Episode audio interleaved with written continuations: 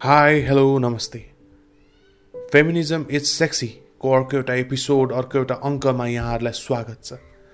र अहिलेसम्मको एपिसोड सुनिदिएर दिनुभएको माया प्रतिक्रिया सुझावको लागि धेरै धेरै धन्यवाद भन्न चाहन्छु।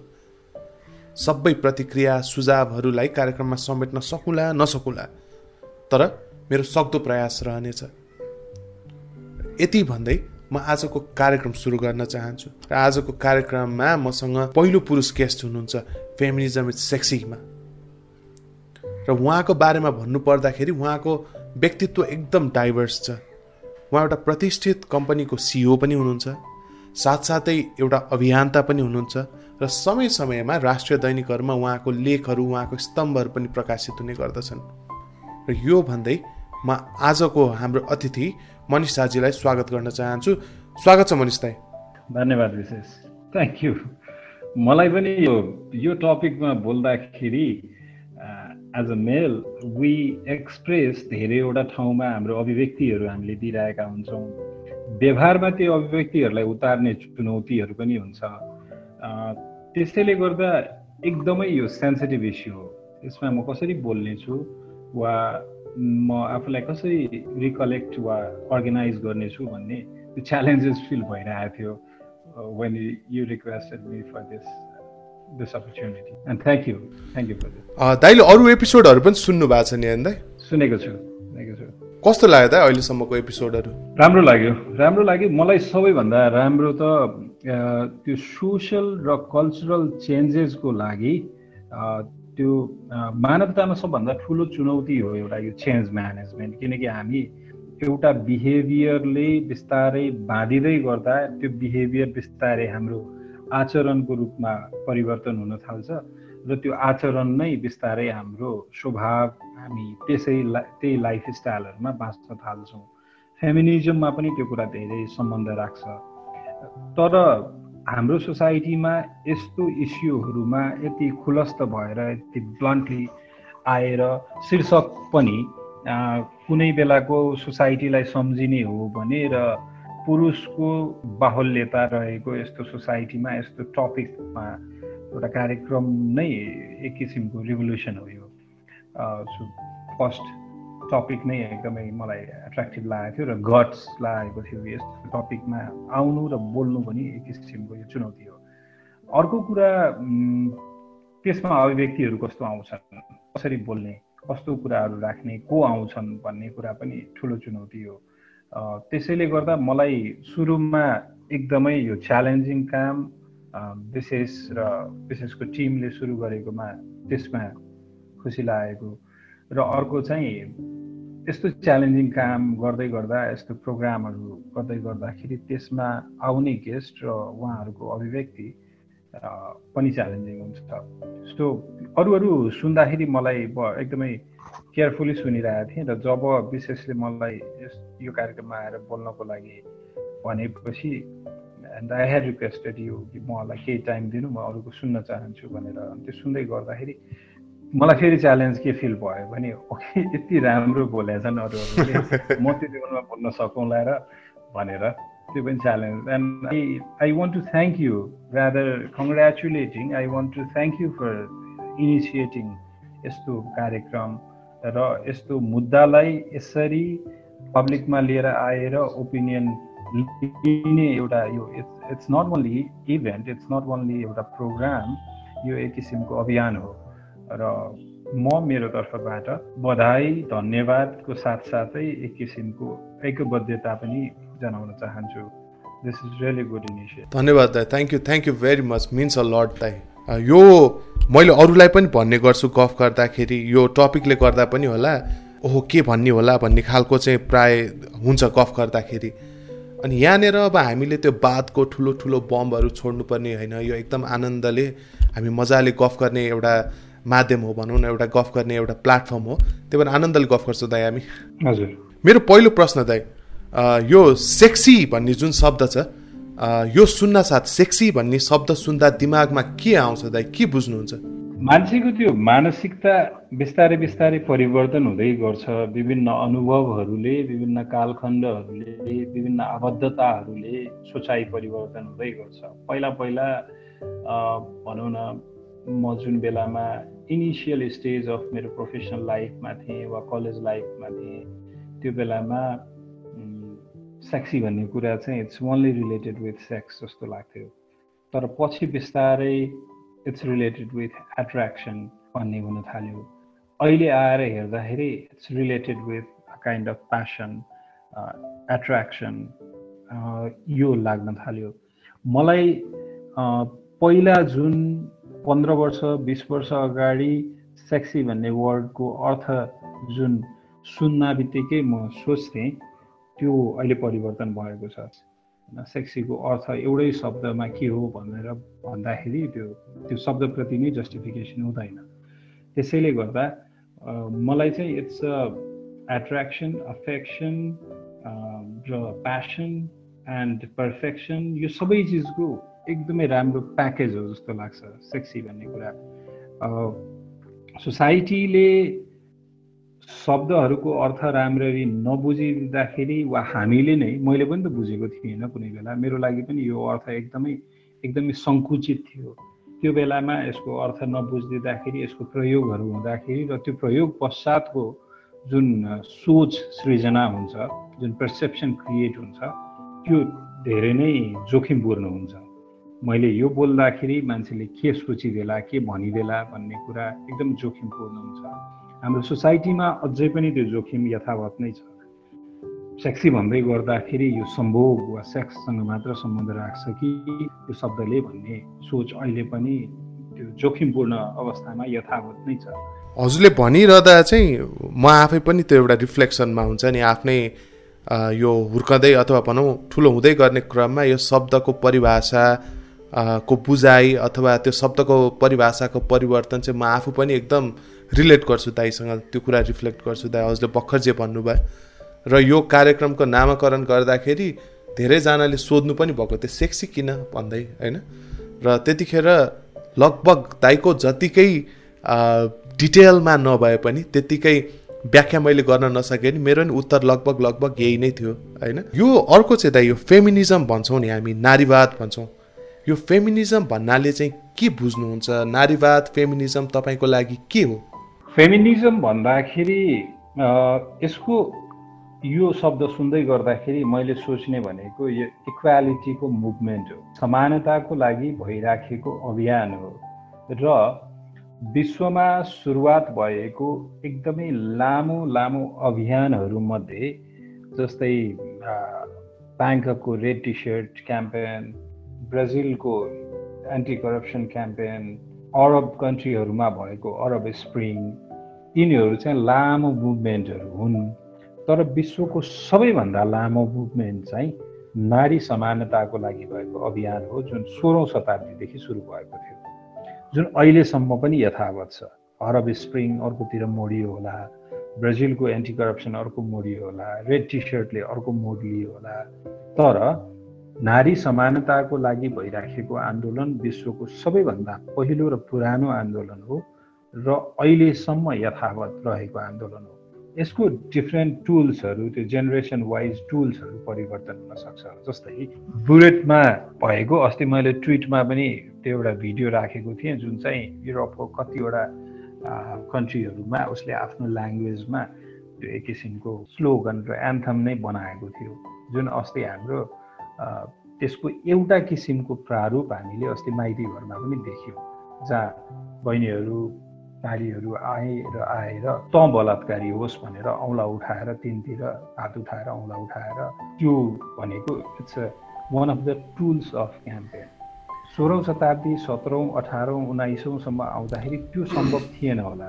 यसरी चौराहामा उभिएर एउटै ड्रेस लगाएर र कालोपट्टि बाँधेर त बलात्कारी होस् भनेर औँला उठाउन सहज थिएन होला त्यो जेनेरेसनलाई। जुन अहिले आएर सहज भएको छ र त्यसको तपाईँले अर्को प्रारूप हेर्नुभयो भने त्यसमा नेगेटिभ रियाक्सन कतै पनि भएको छैन।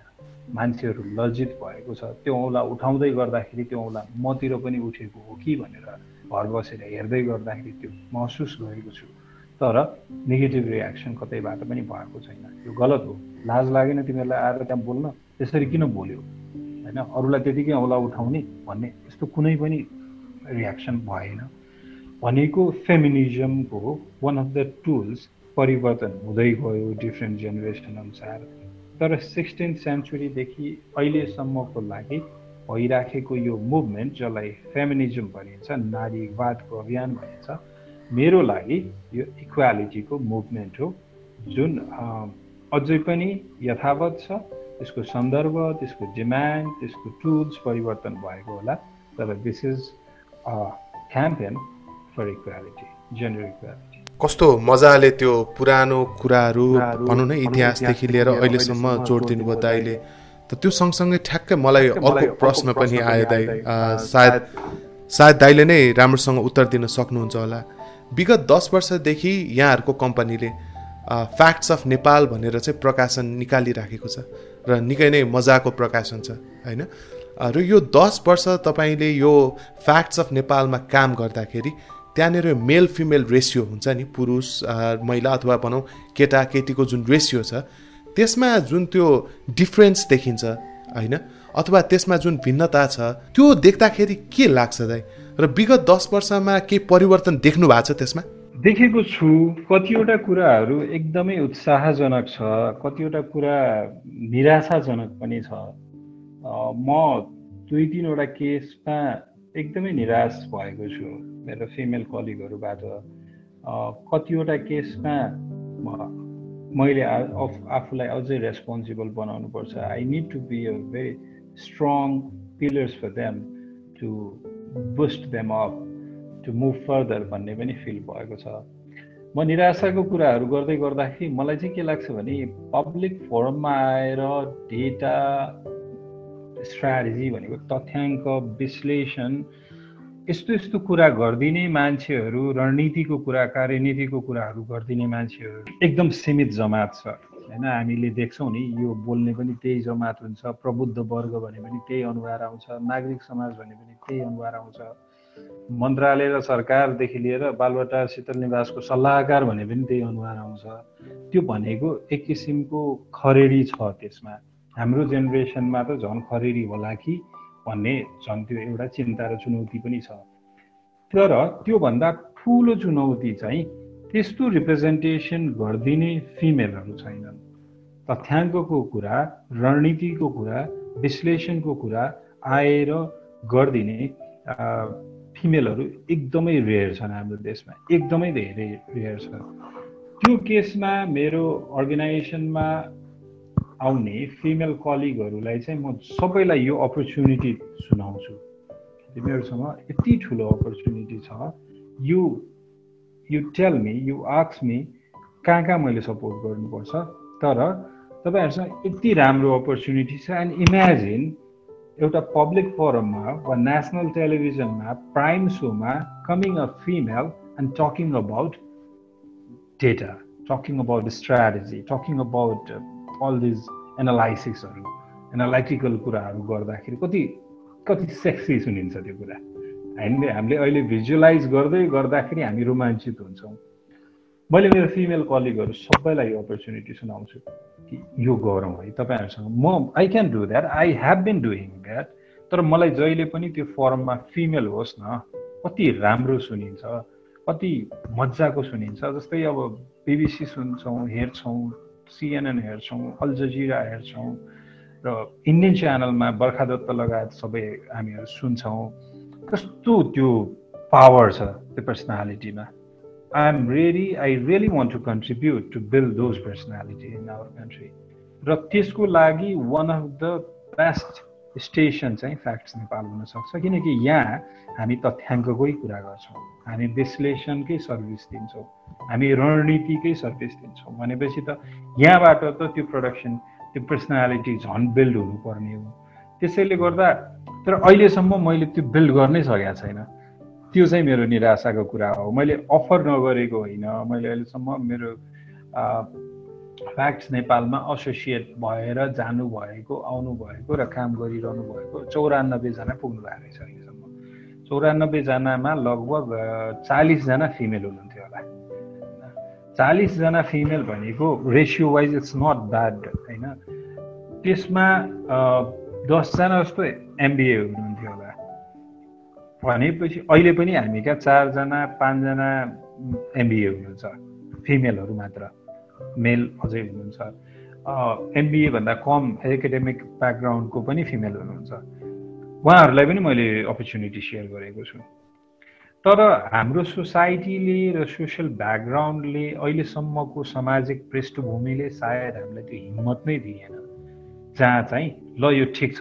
म यो आँट्न सक्छु। म गर्न सक्छु भनेर। जस्तै पुरुषलाई मैले मेरो पोलिटिकल करियर एजम्सन गर्दै गर्दा मेरो वाइफसँग त्यो कुरा सेयर गर्दै गर्दाखेरि मेरो वाइफले सधैँ डिसएग्री गर्छ। इन्टरप्राइज चलाइरहेको छौ बिजनेस राम्रै छ राम्रै छ भिजिबिलिटी फाइनेन्सियली पनि we are not doing bad why do you want think about your political career भनेर। सो मेरो लागि त्यो जति कन्भिन्स गर्न जोखिमपूर्ण छ सायद मलाई चाहिँ त्यो फिमेल कलिगहरूलाई यु हेभ दिस अपर्च्युनिटी है to be on the public forum and media you can do this भनेर भन्दाखेरिको त्यो निराशाको पक्ष हो भने उत्साहको पक्षहरू चाहिँ at least they are coming and they want to learn about research they want to learn about data यो कुराहरू. That's positive part so I hope I answer यो क्वेसन पक्कै पनि दाइ एकदम मजाको कुराहरू आयो। तर त्यो भनिरहँदा फेरि मलाई दिमागमा आएको अर्को कुरा चाहिँ यो दस वर्षको अनुभव सुनाउनु भयो यहाँले होइन? यो दस वर्षको अनुभवलाई फर्केर हेर्दा अब आगामी दिनमा कस्तो वातावरण सिर्जना भयो भने चाहिँ उहाँहरूले त्यो पाइला अगाडि सार्नुहुन्छ होला। या भनौँ न यहाँले कल्पना गरे जस्तो कस्तो खालको वातावरण सिर्जना भयो भने चाहिँ अझै हामी त्यो वुमेन लिडरहरू अझ वुमेन स्ट्राटेजिस्टहरू अगाडि देख्न सक्छौँ होला। मलाई एउटा कुरा याद छ विशेष जनकपुरमा हुँदै गर्दाखेरि मेरो बाल्यकालमा घरको पछाडि एउटा आँपको रुख रोपेको थिएँ मैले। त्यो आँपको रुख तिन चार वर्षको भएपछि त्यसको त्यो हाँगामा तल्लो मेन जरामाथिको हाँगामा मैले एउटा त्यो आर्मी कलरको पहिला ब्याग पाउँथ्यो त्यसको बेल्ट बाँधेको थिएँ। अनि पछि म काठमाडौँ आएँ काठमाडौँबाट केही दिन बिदामा जनकपुर जाँदाखेरि मैले गएर त्यो बारीमा त्यो रुख हेर्दै गर्दा मलाई वृक्षारोपण घर बारी बगैँचा गमलाहरू एकदम माया लाग्छ राम्रो लाग्छ। अनि मैले त्यो हेर्दै गर्दाखेरि त्यो रुख मजाले हुर्किसकेको थियो आँप फल्न थालिसकेको थियो। तर त्यो बच्चा बेलामा राखेको त्यो बेल्टको दाग त्यहाँ अझै पनि थियो। र त्यो ठाउँमा चाहिँ हाँगा अरू ठाउँभन्दा तल र माथिभन्दा अलिक पातलो पनि थियो। भनेपछि त्यो रुख हुर्किनलाई चाहिँ रोकेन त्यसले। तर त्यो विशेष पाटो चाहिँ कमजोर बनाइदियो। त्यस्तै हुँदो रहेछ। सामाजिक पृष्ठभूमि र सामाजिक संस्कारहरू जसरी अगाडि बढ्दै जान्छ समाजलाई अगाडि बढ्नलाई चाहिँ त्यसले रोक्दैन। तर त्यो सन्तुलित भएन भने कुनै कुराले त्यसलाई रोकिराखेको छ भने त्यो एउटा पर्टिकुलर पार्टलाई चाहिँ त्यसले कमजोर बनाइदिन्छ। हाम्रो समाज जसरी अहिलेसम्म परिवर्तन त छ नि होइन दाइ पछिल्लो समयमा त। द्याट्स नट इनफ परिवर्तन छ होइन त्यही त मैले भने। परिवर्तन रोक्दैन। समाज अगाडि बढ्ने कुरा रोक्दैन। सरकारले मिडियाको नीति नल्याए पनि वेब पोर्टलहरू बढ्छ अगाडि। किनकि ग्लोबल कल्चरको इम्प्याक्ट आउँछ। सरकारले नीति नल्याए पनि फोर जी फाइभ जी यो कुराहरू टेलिकम कम्पनीले नै लिएर आउँछ। त्यसपछि बल्ल सरकारले नीति बनाउन थाल्छ। त्यो अपर्च्युनिटी देखेर। हामी कहाँ पनि यी सेवा त पहिला आएको पछि राष्ट्र ब्याङ्कले नीति बनाएको भनेपछि सर्टेन कुराहरू ग्लोबल इम्प्याक्टले गर्दा त्यो चेन्ज भइ नै रहन्छ। त्यो कन्टिन्युस प्रोसेस नै हो। तर इज द्याट इनफ पहिल्यै पोलिसी बनाएर इन्भाइरोमेन्ट बनाएर गभर्मेन्टले इन्करेज गरिदिएको भए त हामी टेक्नोलोजीमा दस वर्ष अगाडि बढिसकेको हुन्थ्यौँ कि?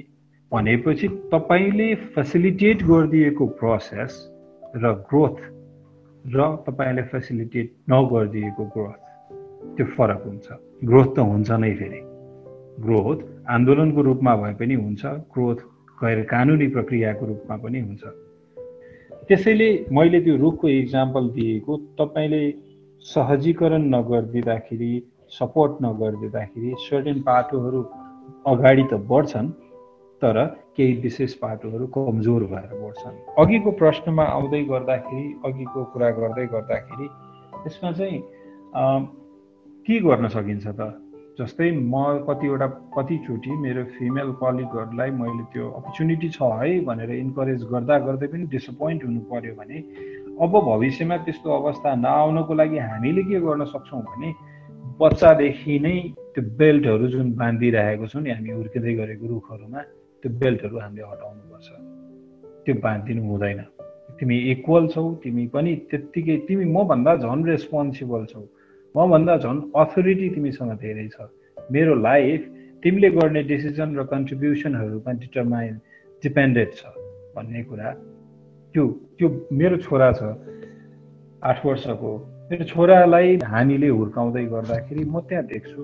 मेरो रोल जति छ ऊ कस्तो किसिमको पर्सनालिटीको रूपमा बिल्ड हुँदै गर्छ भन्ने कुरा उसले कस्तो लुगा लगाउँछ भन्ने कुरा उसको कस्तो बोली वचन बानी बेहोरा हुन्छ भन्ने कुरा र उसले कस्तो निर्णयहरू गर्नेछन् भविष्यमा भन्ने कुराहरूमा मेरोभन्दा धेरै इन्भल्भमेन्ट मेरो वाइफको हुन्छ।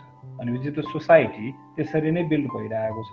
तर अपर्च्युनिटीमा चाहिँ हामी किन त्यो बेल्टहरू बाँधिदिन्छौँ भन्ने कुरा हो। त्यो बेल्टहरू हामीले बाँध्नु छाड्नुपर्छ र इक्वल स्पेस इक्वल अपर्च्युनिटी तर त्यसमा एउटा मेरो एउटा कन्डिसन अप्लाई के छ भने हामीले क्यापेसिटी इन्हान्समेन्टको प्रोसेसमा बिल्डिङको प्रोसेसमा इक्वालिटी इम्पोर्टेन्ट छ। न कि माथि गएर बिल्ड भइसकेको सोसाइटीमा जेन्डरकै हिसाबले नै सबै अपर्च्युनिटी इक्वली पाउनुपर्छ भन्ने कुरा जोखिमपूर्ण देखिएको पनि छ फेरि। किनकि मान्छे बिल्ड हुँदै गर्दाखेरि उसको स्किलमा उसको स्ट्रेन्थमा इन्भेस्ट नगर्ने अनि उमेर र लिङ्गको आधारमा नै सबै पोजिसन दिँदै गर्दाखेरि त्यो पनि जोखिमपूर्ण छ। त्यो त्यहाँ हामीले विचार गर्नुपर्छ। त्यसको लागि हरेक सोसाइटीको एउटा स्ट्राटेजी हुँदो रहेछ क्या विशेष हरेक सोसाइटी हरेक इन्डिभिजुअल हरेक अर्गनाइजेसन हरेक कन्ट्रीको लजिक अफ एक्जिस्टेन्स हुँदो रहेछ। त्यो किन एक्जिस्ट गर्छ त भन्ने कुराको लजिक हुँदो रहेछ। हाम्रो सोसाइटी हाम्रो कल्चर हाम्रो देश हाम्रो राष्ट्रियता हाम्रो व्यक्तित्व हाम्रो व्यवहार संस्था यो कुराहरूको लजिक अफ एक्जिस्टेन्समा हामीले डिस्कस नै गर्दैन। पहिलादेखि गरिआएको त्यसैले गर्नुपर्छ भनेर। त्यसैले गर्दा त अहिलेसम्म खोरहरू भत्किँदैनन्। अहिले पनि छुट्टिएर बस्नुपर्छ। तर किन कुन कालखण्डमा के लजिकले गर्दा त्यो खोर बनाइएको थियो भन्ने कुरामा किन बहस गर्दैन त्यो गरेपछि त सकिन्छ नि एकैचोटिमा। सबै कन्भिन्स हुन्छ नि। लजिकली हामी आन्सर दिन सक्छौँ नि। So we need to start from there I feel पक्कै पनि दाइ यो विषयमा खास अब गफ पनि त्यति पर्याप्त हुँदैन जस्तो लाग्छ मलाई पनि होइन? हामीले यो विषयमा सायद सुरुवात त अब गफैबाट पनि सुरु गर्न सक्यो। यो विषयमा जति गफ जति बहस हुँदै गयो जति अभियान हुँदै गयो र अघि तपाईँले भन्नु पनि भयो जुन यो रेपको अगेन्स्ट जुन एउटा क्रिएटिभ खालको क्याम्पेनिङ थियो जुन माइती घरमा अस्ति भयो त्यो खालको क्रिएटिभिटी त्यो खालको चाहिँ नयाँ सोचहरू आउँदै गर्दा सायद यो कुरामा नि बिस्तारै बिस्तारै भन्दा पनि अझै परिवर्तन आउँछ होला जस्तो लाग्छ मलाई पनि। यो भनिरहँदा हामीले यो विभिन्न पक्षहरूको गफ गऱ्यौँ होइन?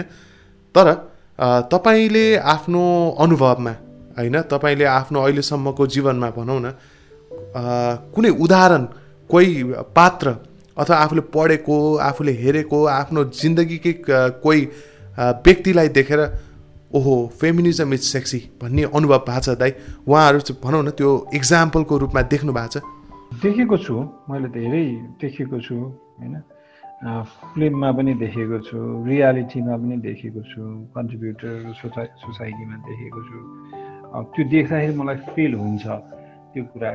आई अलवेज मैले अस्ति एउटा पहाडको कुनै हिमाली भेगको कुनै जिल्लामा महिलाहरूले पटुकी बाँधेर भलिबल खेलिराखेको भिजुअल ट्रिट गरेको थिएँ। अनि त्यसमा मैले क्याप्सन लेखेको थिएँ कि जबसम्म आधा आकाश नै अँध्यारोमा रहन्छ भने समाज कसरी उज्यालो हुन्छ? भनेर त्यो भन्नुको अर्थ जबसम्म हामीले त्यो फिफ्टी वान पर्सेन्ट पपुलेसनलाई नै हामीले ब्राइटमा अपर्च्युनिटी र स्पेस क्रिएट गरिदिँदैनौँ भने त्यसले कसरी हाम्रो हुनसक्छ भनेर। जर्मनीमा टु थाउजन्ड फोर्टिन सन् दुई हजार चौधमा त्यहाँ जाँदाखेरि त्यहाँ एकाडेमी एउटा लिडरसिप एकाडेमीमा पढ्न जाने अपर्च्युनिटी पाएको थिएँ। त्यहाँ पढ्न जाँदा त्यहाँको एक्जिक्युटिभ डाइरेक्टर फिमेल हुनुहुन्थ्यो। त्यो पऱ्यो लिडरसिप एकाडेमी जहाँ चाहिँ मेलहरू नै धेरै थिए पार्टिसिपेन्टहरू फिमेल पनि थिए राम्रो रेसियोमा तर प्रमुख चाहिँ महिला हुनुहुन्थ्यो। अनि उहाँले त्यहाँको स्थानीय एकजना नगरपालिकाको प्रमुख त्यहाँ गुमसबाग भन्ने सहर हो। त्यो पोलोन सिटी पोलोन भनेको जर्मनीको एकदम हिस्टोरिकल सिटीको छिमेकमा भएको त्यो गुमसबाग भन्ने ठाउँको एकाडेमी हो। अनि त्यहाँको नगर प्रमुखलाई बोलाउनु भएको थियो उहाँ पनि महिला हुनुहुन्थ्यो। अनि त्यो देख्दै गर्दाखेरि अनि ठ्याक्क फिल हुन्थ्यो।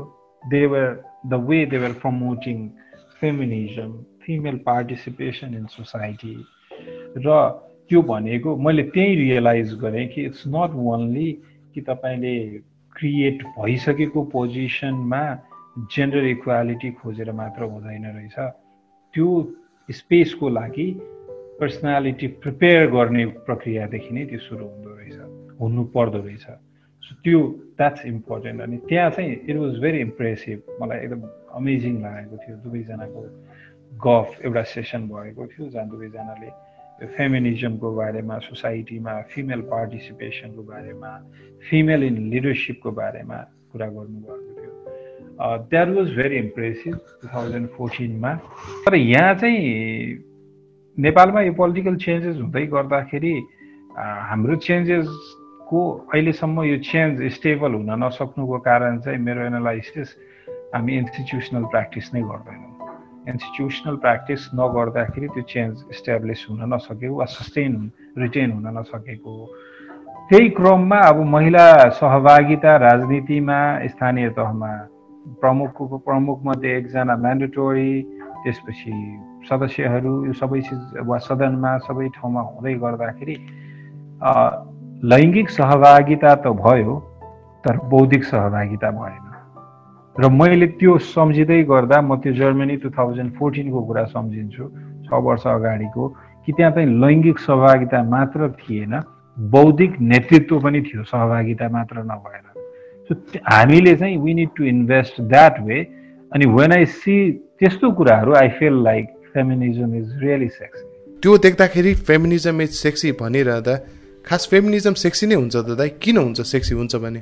होइन यस्तो हो नि like overall सोसाइटीको productivity economy culture responsible responsibility participation सबै कुराको आउटकममा you can expect better outcome better result फेमिनिजमको perception this is not just asking for stake this is a approach where I want to contribute equally and I want to contribute to make better outcome भन्ने कुराको क्लेमको रूपमा हुन थाल्यो भने म त्यहाँ आफ्नो स्थान चाहन्छु म लैङ्गिक रूपमा समान सहभागिता चाहन्छु किनकि मेरो सहभागिताले ओभरअल आउटकम ओभरअल रिजल्टमै कन्ट्रिब्युट गर्छ भन्ने कुराको रूपमा हुन थाल्यो भने त फेमिनिजम इज रियली सेक्सी नि तर मैले स्थान पाउनुपर्छ किनकि म महिला हो त्यसैले मैले स्थान पाउनुपर्छ। अब गर्छु गर्दिनँ के गर्छु कसो गर्छु त्यो त पहिला मौका दिएन भनेर त हुँदैन होइन? धेरै कुराको रिक्स पनि लिँदाखेरि त्यहाँ एक्सिडेन्टहरू भएको पनि देखिन्छ।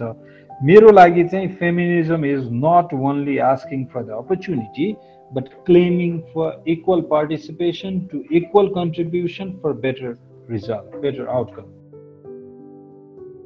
यहाँनिर जोड्न मन लाग्यो दाइले अगाडि भन्दा अगाडि एउटा कुरा भन्नुभएको थियो जुन हाम्रो समाजमै त्यो कुरा चाहिँ खासै डेभलप भएन भनेर जुन वुमेन लिडरसिपको लागि डेभलप भएन भनेर तर यहाँ आएर फेरि हामीले गफ गरिरहँदा चाहिँ उहाँहरू अगाडि आउनु पर्यो भन्ने कुरा छ होइन। त्यो त्यो भनिरहँदा हाम्रो जे होइन कि आउनु त पर्यो तर आउनको लागि तयारी पनि गर्नु पर्यो होइन? जस्तै त्यही त दाइ त्यो तयारी गर्नलाई हाम्रो समाज हामीले अगाडि गफ गर् अगाडि दाइकै कुरालाई मैले कोट गराएको छु सो हाम्रो समाजले त्यो तयारी हुनलाई अथवा तयारी गर्नलाई त्यस्तो वातावरण दिएको छ त? त्यो दिएको छैन। त्यो अघि मैले त्यो बेल्ट बाँधेको इक्जाम्पल दिएँ नि जुन। त्यही इक्जाम्पल हो नि। होइन? बेल्ट बाँधिदिएको छ। एउटा हुर्किँदै गरेको रुखमा बेल्ट बाँधिदिएको छ अनि त्यो रुख त हुर्किन्छ तर रुख हुर्किसकेपछि के हुन्छ भने त्यसको सर्टेन पार्टहरू कमजोर भएर हुर्किन्छ त्यो रुख। त्यो त रिक्स छ। त्यसैले हामीले वातावरण बनाएकै छैनौँ। र अहिले आएर राजनीतिक परिवर्तन सँगसँगै लैङ्गिक सहभागिता त भयो तर लैङ्गिक सहभागिताले बेटर आउटकम चाहिँ भयो कि भएन भन्ने कुरा जोखिमको अवस्थामा छ। हामीले त्यो सुरुदेखि नै पृष्ठभूमिदेखि नै ग्राउन्डदेखि नै त्यसरी मेहनत गरेर एउटा महिला मात्र हुर्काउने होइन कि एउटा भविष्यको नेतृत्व पनि हुर्काउने हो। जस्तै मैले मेरो सन्तान हुर्काउँदै गर्दा म मेरो एउटा सन्तान मात्र हुर्काउँदिनँ। म भविष्यको हजारौँ सम्भावनाहरू पनि हुर्काइरहेको हुन्छु। म एउटा व्यक्ति मात्र जन्माइरहेको हुँदिनँ। म एउटा सम्भावित संस्था पनि जन्माइरहेको हुन्छु। भनेर हामीले छोरीहरूलाई बहिनीहरूलाई त्यसरी नै हुर्काउने र हुर्किन सहयोग गर्ने हो भने त भविष्यको नेतृत्व त बच्चादेखि नै हुर्किन थाल्यो होइन? अहिले छैन त्यो कल्चर। त्यहाँ we need to contribute we need to change our approach भन्न खोजेको हामीले गफ गरिरहँदा दाइले हामीले यो सिर्जना गरेनौँ हामीले यो भनेनौँ। यो हामी भने चाहिँ को दाइ? समाज हो कि सरकार हो कि को हो दाइ यो हामी? हामी भनेको म पनि हो तपाईँ पनि हो होइन? यसमा चाहिँ म कुनै एउटा संस्थालाई कुनै एउटा सरकार राजनीतिक दल संयन्त्र वा नीतिलाई मात्र दोष दिन चाहदिनँ। नेपालीहरू यस्तै छन् भनेर भन्ने चलन छ नि हाम्रो। म चाहिँ त्यहाँ पनि भन्छु कि हामी नेपालीहरू यस्तै छौँ। किनकि सुध्रिन म पनि जरुरी छ नि। देश सुध्रिँदै त्यो त्यो देश सुध्रिने भनेको नेपाल भनेको को हो? नेपाल भनेको हिमाल नेपाल भनेको खोला नाला जङ्गल रुख होइन नि। नेपाल भनेको विशेष हो। नेपाल भनेको मनिष हो। नेपाल भनेको हाम्रो साथीहरू हाम्रो दिदीबहिनी हो हाम्रो छोराछोरी हो।